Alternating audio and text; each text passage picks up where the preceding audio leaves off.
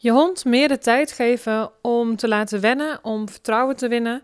Ik denk dat dat een superbelangrijk dingetje is. En um, ik zie toch wel vaak dat we een bepaalde verwachting hebben en daar misschien te snel in gaan.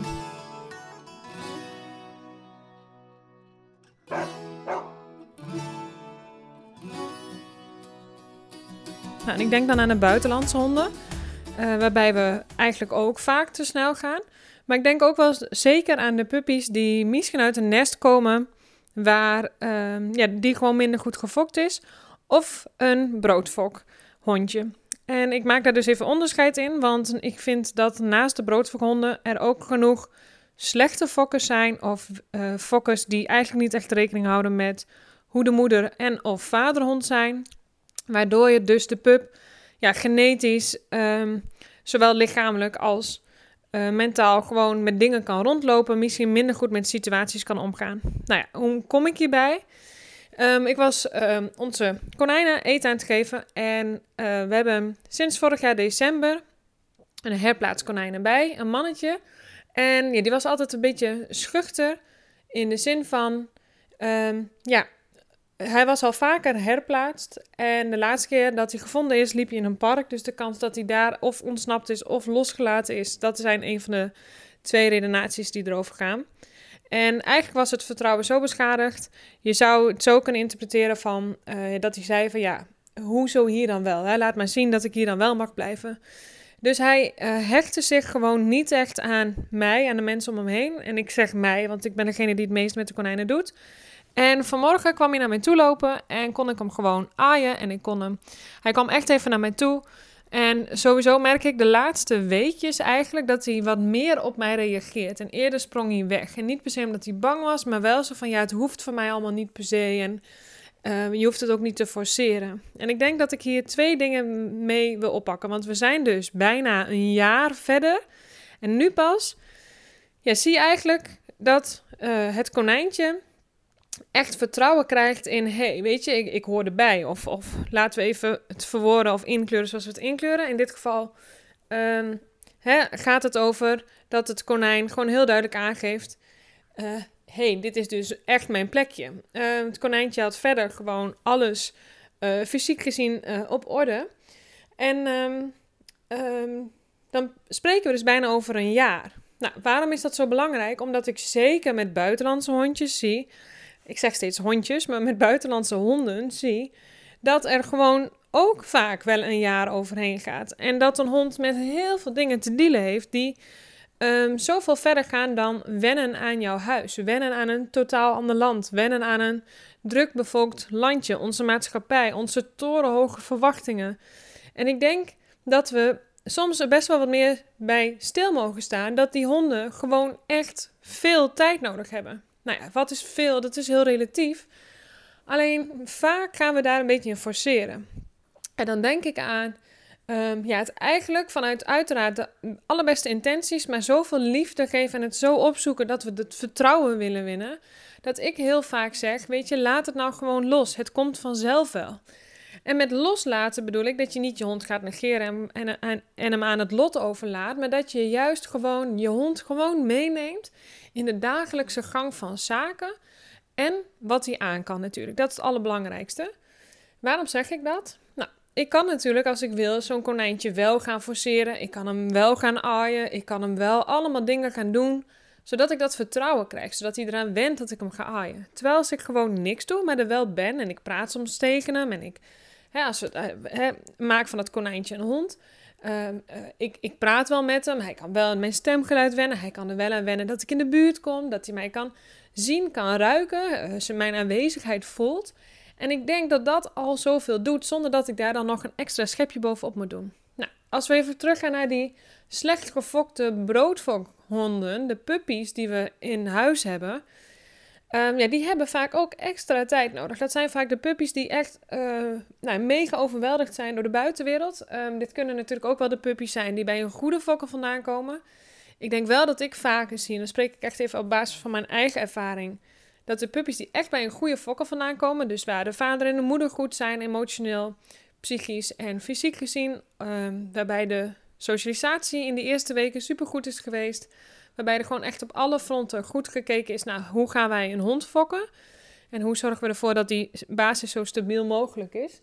Ja, die, daar zie ik vaak wel dat ze beter kunnen omgaan gewoon met de wereld. En dan gewoon in die normale, tussen haakjes, puppyfases komen. Met alles wat daar dus bij hoort.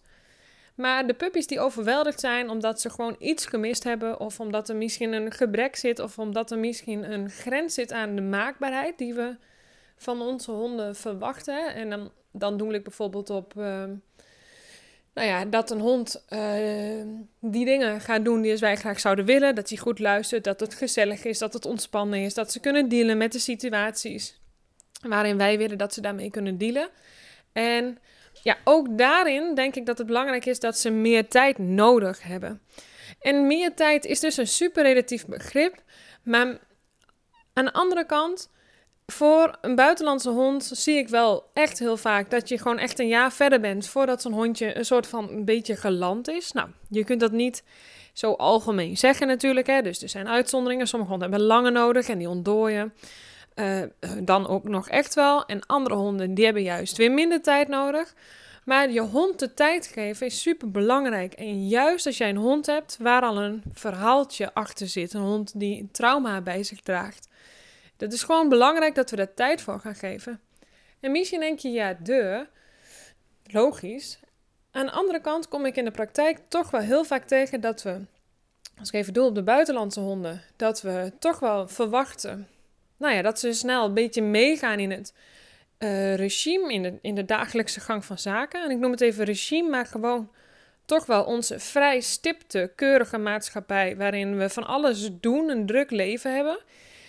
En um, ik denk dat dat gewoon heel erg lastig is voor zo'n hond. En daarbovenop willen we dan ook nog vaak vanuit het idee uh, om te socialiseren, ze overal mee naartoe nemen.